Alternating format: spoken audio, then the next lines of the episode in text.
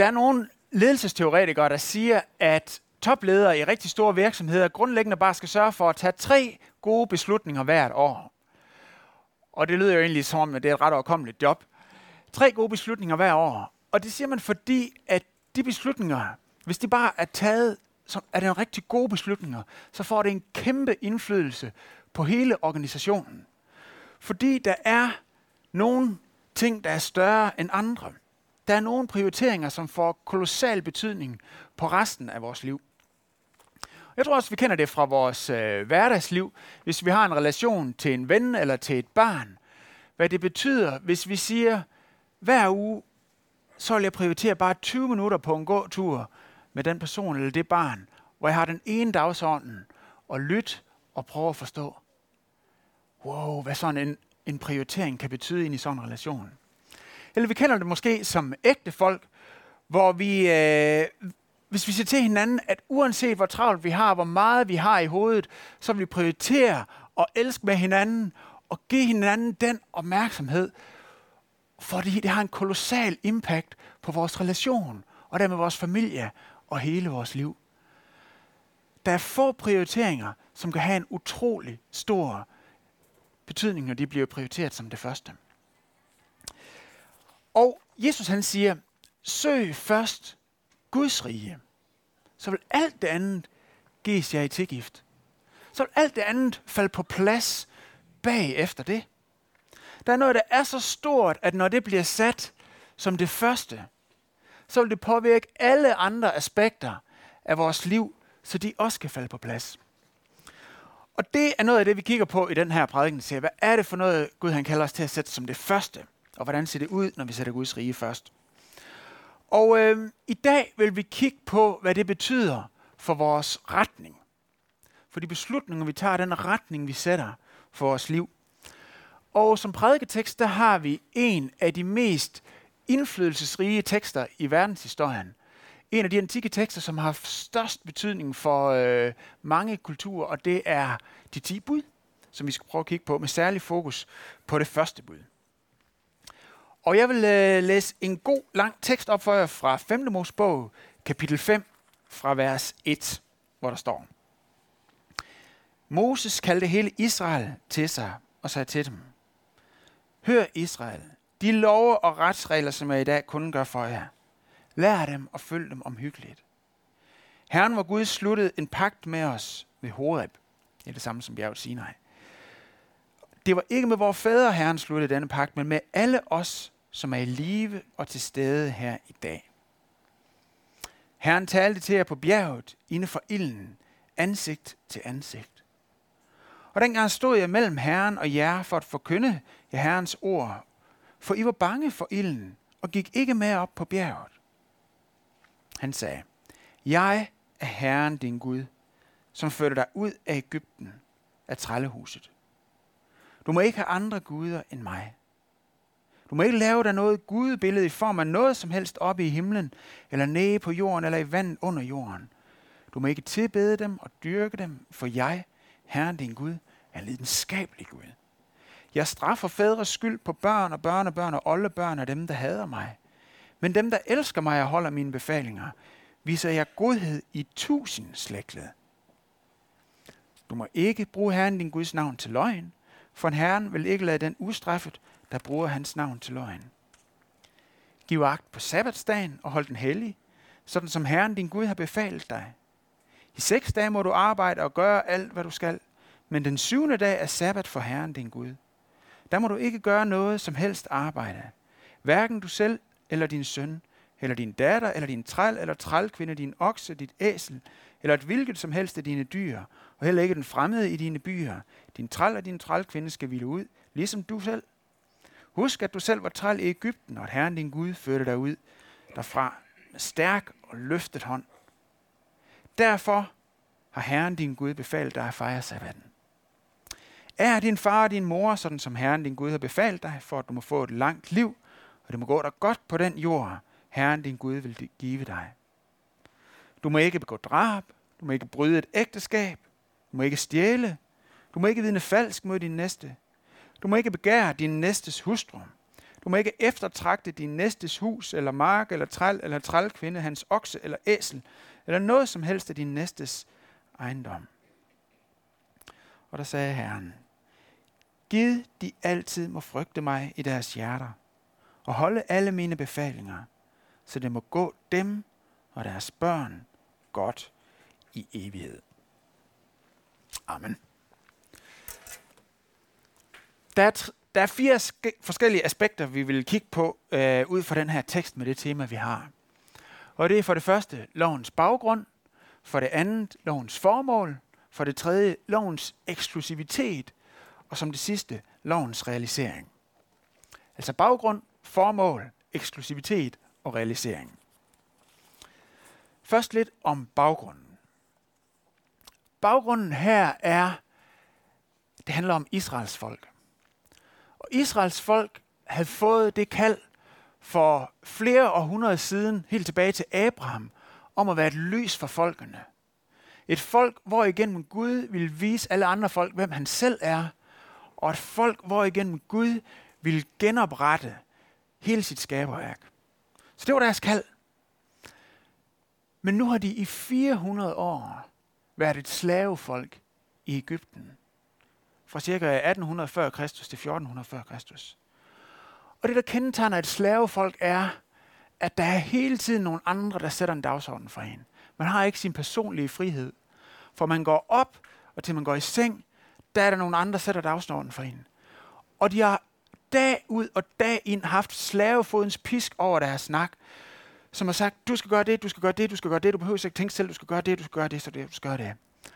Og så langt som nogen kunne huske tilbage, deres forældre og deres forældres forældre, så langt som mands minde gik tilbage, der var de blevet udnyttet og undertrykt af Ægypterne til at holde øh, Ægyptens vækst, væksthamsterhjul i gang og lave mursten, så de kunne bygge alle de her store byggerier. Der har simpelthen været nogen, der har udnyttet dem så langt som nogen kunne huske tilbage, og det her, det var deres selvforståelse, at vi er nogen, der bliver udnyttet. Og undertrykkelsen har været så massiv, at på et tidspunkt, for de fik mange børn i israelitterne, så bliver Ægypterne bange for, at det bliver mange, og hvad så hvis de går oprør sådan nogen, så vil de lave en, en delvis etnisk udrensning af det her folk. Og de sagde, hver gang I får en dreng, så skal I dræbe ham ved at kaste ham ud i floden. Og jeg tænker bare, hvad har det gjort ved sjælen i så et folk? Hvad har det gjort ved en mors sjæl at skulle bære sit nyfødte barn ud og smide det i Nilen? Hvor undertrykt er man, når man gør det? Og hvordan har det været som mand i sådan en familie? Det er bare sådan, det foregår. Jeg, kan ikke, jeg ved ikke, hvad jeg skal gøre.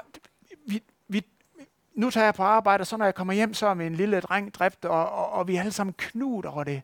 Hvilke forkrøblede sjæle har der ikke været efter 400 år, hvor det er bare blevet, sådan har man bare gjort, sådan undertrykker man os, og sådan det er kommet ind under huden på os, det er vores selvforståelse.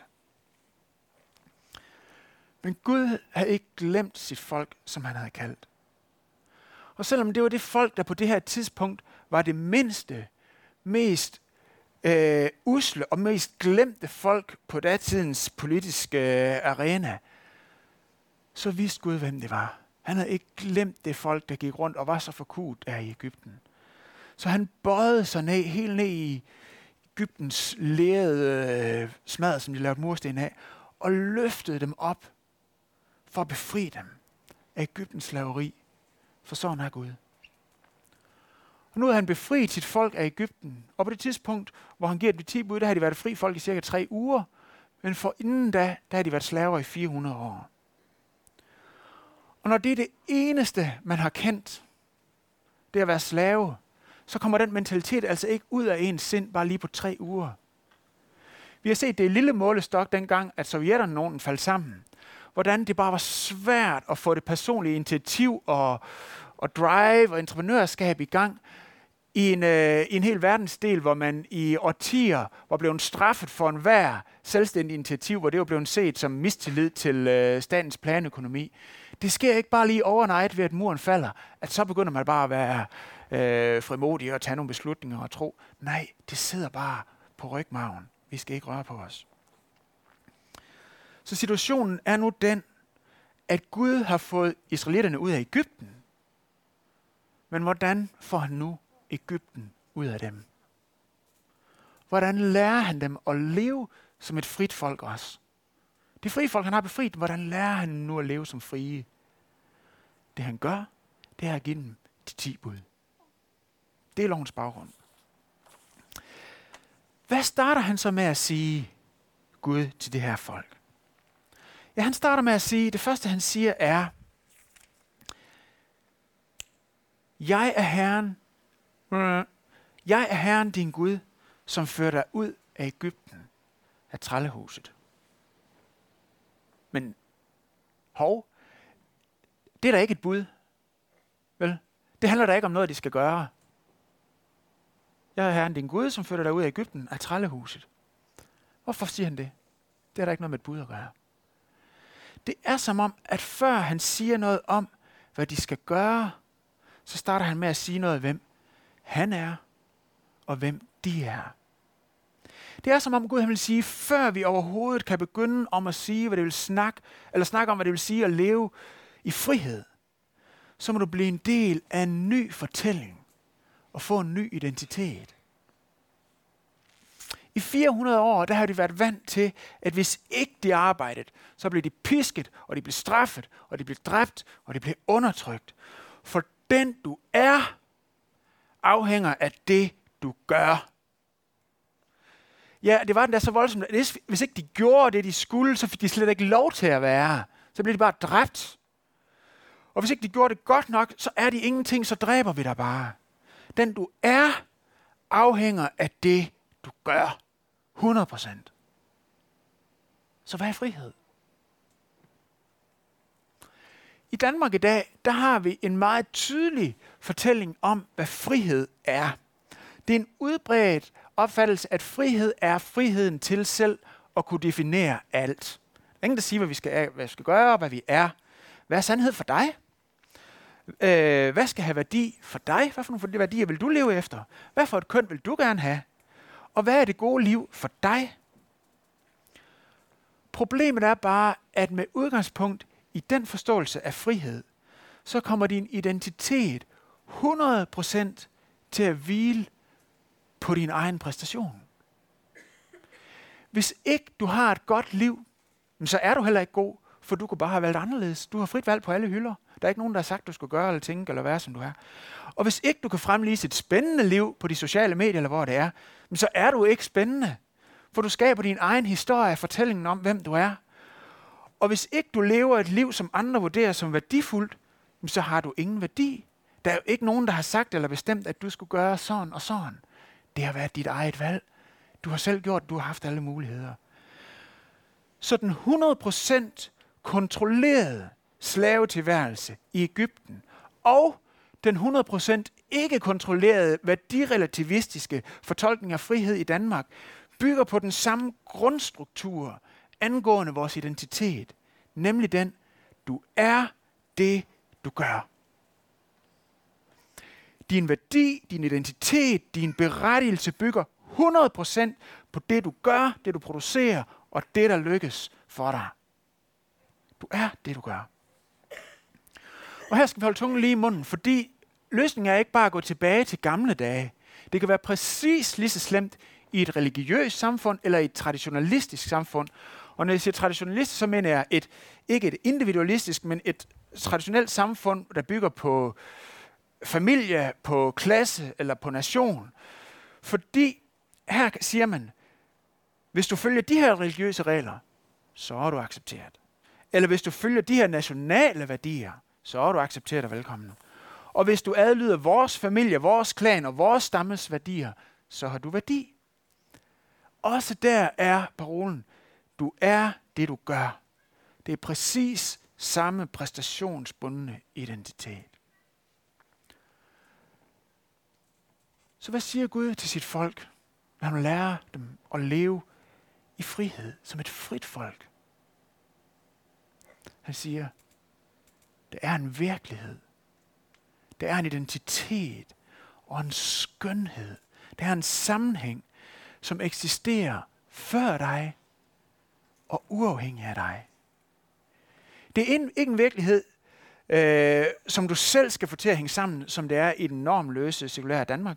Det er heller ikke en virkelighed, som er konstrueret for at udnytte og undertrykke dig til egen fordel, sådan som slaveriet var i Ægypten. Det var bestemt også en virkelighed, der eksisterede på forhånd.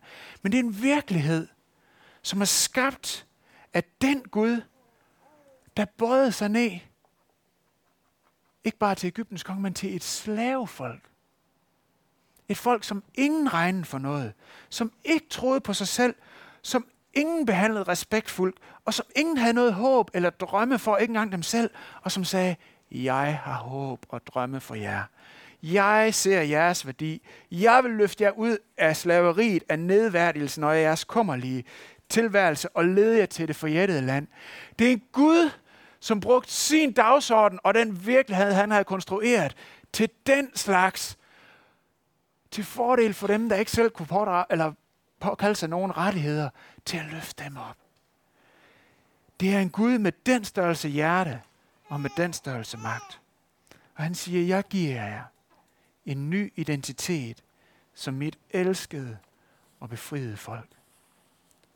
Så frihed er ikke selv at kunne definere alting, men at læne sig ind i. Læne sig ind i det, som består, det der er bestående. Ind i den verden og den virkelighed, som jeg har skabt, siger Gud. Og hvile i det, jeg definerer som godt og ondt. Det er den bibelske forståelse af frihed. Og læne sig ind i det Gud, han har for os. Så budene starter med, jeg er Herren, din Gud, som førte dig ud af Ægypten, af trællehuset. Det er en virkelighed og en identitet, du kan læne dig ind på. Ind i. Og vær altid opmærksom på den afgørende forskel. Uanset om vi taler slaveri i Ægypten, om vi taler det sekulære Danmark, eller vi taler religiøse og traditionelle samfund, hvor man siger, jeg præsterer for at blive accepteret så er det anderledes hos Gud. Hvor vi siger, jeg er accepteret, og det er derfor, jeg adlyder. Det starter med den, du er. Og derudaf springer det, du gør. Så hvis vi skal opsummere, så er lovens baggrund folkets slaveri, og Gud har ført dem ud af Ægypten, men nu har han også af Ægypten ud af dem og givet dem en ny identitet i Guds befriende virkelighed. Great. Hvad er så lovens formål? Hvorfor siger Gud ikke bare til israelitterne, det er fint gutter, nu er I kommet herud, og det er bare lige den der vej til det forjættede land, og så kører det for jer. Nu har vi klaret det med Ægypterne, så klarer jeg resten selv. Hvorfor siger han egentlig, du skal gøre sådan og sådan, og du skal ikke gøre sådan og sådan? Hvorfor gør han det? Lad os prøve at se nærmere på det. I vers 16, bud nummer 4, siger han sådan her. Er din far og din mor, sådan som Herren din Gud befalte dig? Hvorfor? For det må gå dig godt, og du må få et langt liv på den jord, Herren din Gud vil give dig. Og som opsummering på budene læste vi også til sidst, Gid de altid må frygte mig i deres hjerter og holde alle mine befalinger. Hvorfor? Jo, så det må gå dem og deres børn godt i evighed. Og det gentages igen i vers 33. Lovens formål er at Guds folk må opleve fuld trivsel. Det er derfor Gud han siger det her. Lovens formål er, at den retning, vi tager med vores beslutninger, må være i overensstemmelse med vores design. Guds lov er ikke en række intetsigende regler, hvor Gud han har sat og tænkt, det kunne da være mega grineren, hvis vi kunne få dem til at lade være med at lyve. Det ville bare være så sjovt. Lad os lige se, om, lad os lige se, om vi kan få dem til det. Det kunne da være skægt. Det er ikke det, han har tænkt. Gud siger, når Gud siger, øh, hold det 8. bud om ikke at lyve, så er det udtryk for hans natur.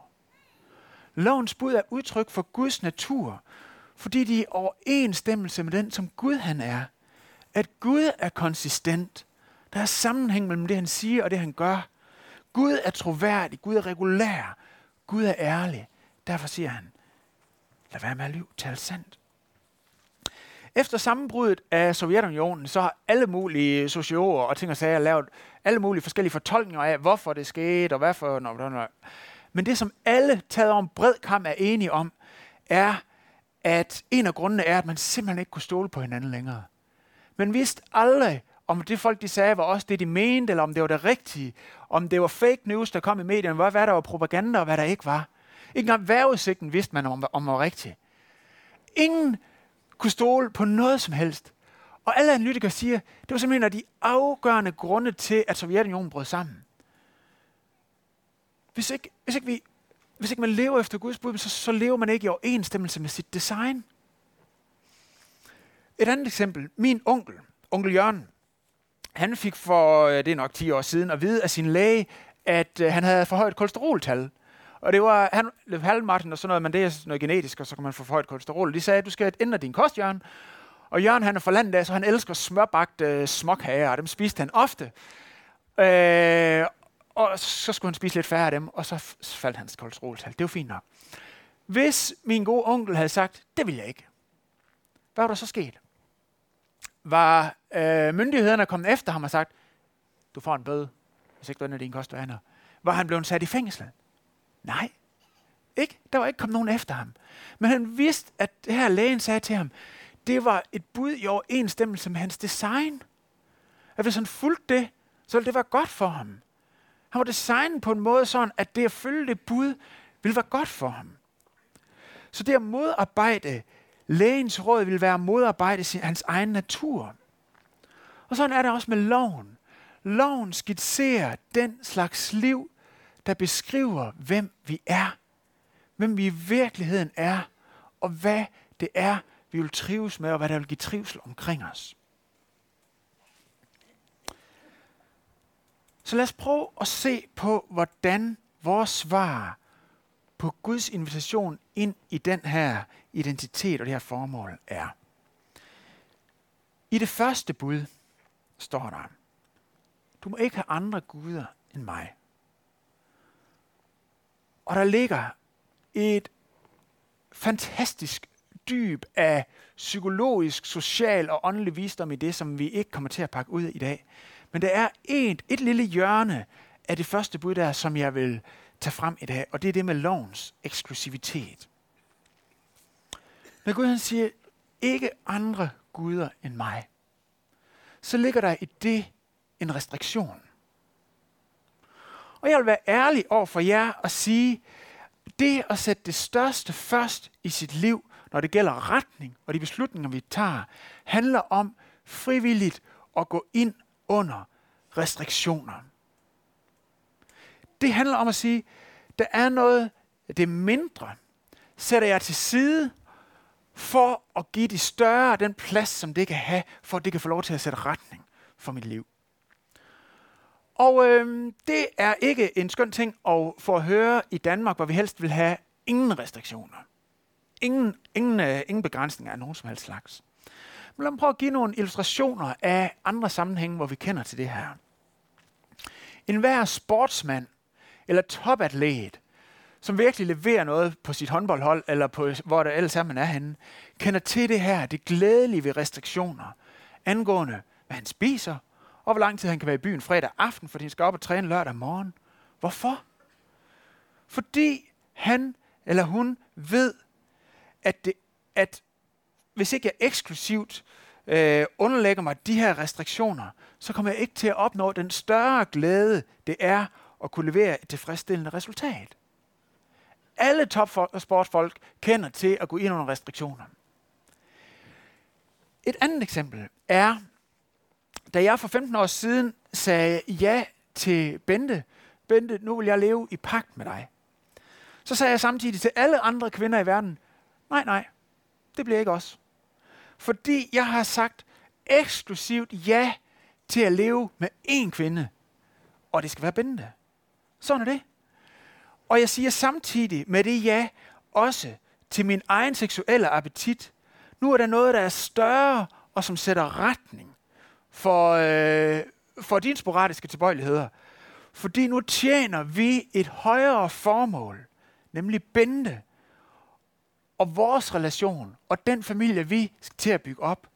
Og det vil i sidste ende tjene til større seksuel tilfredsstillelse, end hvis du havde fået lov til at sætte retningen sporadiske øh, appetit. Og hvis I vil høre mere om det, så kan I gå ind på podcast og høre en prædiken der, fra en prædikenserie, der hedder Money, Sex and Power. Den ligger derinde. Vi kender det her med restriktioner, som vi går ind under, fordi at vi er overbevist om, at det på sigt vil medføre større trivsel, fordi det svarer til vores identitet og den retning, vi er blevet givet. Uden restriktioner, så vil det simpelthen ikke være muligt at have en vedvarende kærlighedsrelation. Det bliver urealistisk. Prinsesse Diana, som øh, nu er død, men som på et tidspunkt var gift med prins Charles over i det engelske kongehus, der var en masse ballade med dem i 90'erne. Og hun siger på et tidspunkt i et interview, hvor ja, der var, de havde elsket og sådan nogle ting, begge to, og hun siger, our marriage were becoming a bit crowded. Der begyndte at være lidt for mange folk i vores ægteskab. Og det, hvis ikke der er noget eksklusivt over den her relation, så kan den ikke blive til det som den fra øh, vores designers side havde tænkt til at skulle blive. Guds kald til dig er at leve eksklusivt med ham som det største i dit liv. Også når det gælder den retning, vi tager. Så det sidste. Lovens realisering. Okay. Det lyder da, det lyder virkelig godt. Men er det overhovedet realistisk? Da jeg arbejder med den her tekst, så stussede jeg noget over det, som Israels folk siger i forbindelse med, at de får de 10 bud. De siger vers 23. Øh, eller Moses refererer, hvad de sagde. Da I hørte røsten inden for mørket, mens bjerget stod i lys lue, kom alle jeres stammehøvdinger og ældste hen til mig og sagde, nu har Herren, hvor Gud, lader os se sin herlighed og sin storhed, og vi har hørt hans røst inden for ilden. Vi synes, det er absolut fantastisk, det her. Men vi er også ret skræmt og bange for at give os i kast med det her. Kan du ikke lige varetage det der for os, Moses? Det her det er absolut skønt, og det er absolut skræmmende. Og ved I hvad? Sådan tror jeg, at de fleste af os har det i mødet med Guds lov. Guds hellighed. Vi tænker, selvfølgelig skal vi leve sådan. Det er da det mest fantastiske. Det er ubetinget smukt og godt. Men jeg kan ikke. Det er skønt, og det er skræmmende. Prøv at lægge mærke til den respons, som Gud han kom med. Jeg synes, det er så øh, fantastisk, hvor han siger, vers 29, Gid de altid må frygte mig i deres hjerter og holde alle mine befalinger, så det må gå dem og deres børn godt i evighed.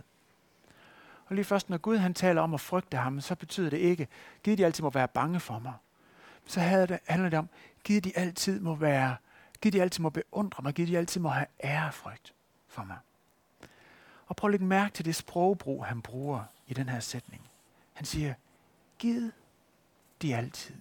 Giv oversættes det hebraiske med i den her øh, oversættelse. Andre oversætter med, åh, at de altid. Ved hvad der ligger i det her hebraiske øh, udtryk? Der ligger udtrykket af uopfyldt længsel. Gud han udtrykker uopfyldt længsel. Han længes efter, at hans mennesker må opleve det her frie og tillidsfulde liv sammen med ham og sammen med hinanden. Og jeg synes, det er så vildt lettere i den her sammenhæng, hvor det er den store og mægtige og frygtindgudende Gud, der kommer til syne som en bulrende ild på toppen af, af, af bjerg og sådan noget, ikke også? Og så bliver han her følelsesladet og siger, åh, at de altid, givet de altid må. Det udtrykker noget af hans dybeste længsel. Uopfyldt længsel. Og ved I hvad, venner? Det var den længsel efter din frihed, der drev ham til mange år senere, ikke bare at komme på bjerget som en bullerne ild, men til selv at blive menneske. Til selv at gå ind under loven. Og til selv at leve det rene liv, som vi er kaldet til. Og til selv at bære straffen og konsekvensen af det liv, vi måske forsøgte at leve men ikke formåede at leve. Og Paulus han skriver sådan her i sit brev til romerne. Det som loven ikke kunne, fordi den kom til kort på grund af kødet, det gjorde Gud. Han sendte sin søn, sin egen søn, for at lovens krav skulle opfyldes. Ikke bare sådan random, men for at lovens krav skulle opfyldes i os. I os. Og det betyder, at vi ikke skal frygte. Vi skal nu som Guds folk ikke frygte for lovens konsekvens. Det betyder, at vi kan gå hele hjertet og fri ind i forsøget på at følge Guds retning for vores liv. Fordi din lovopfyldelse ikke bare er en illusorisk og uopnåelig ideal, der stikker et sted langt ude i en tåget og uopnåelig og urealistisk fremtid. Men din lovopfyldelse er blevet til en person, som er lige ved siden af dig, som hedder Jesus. Og han er din, og du er hans.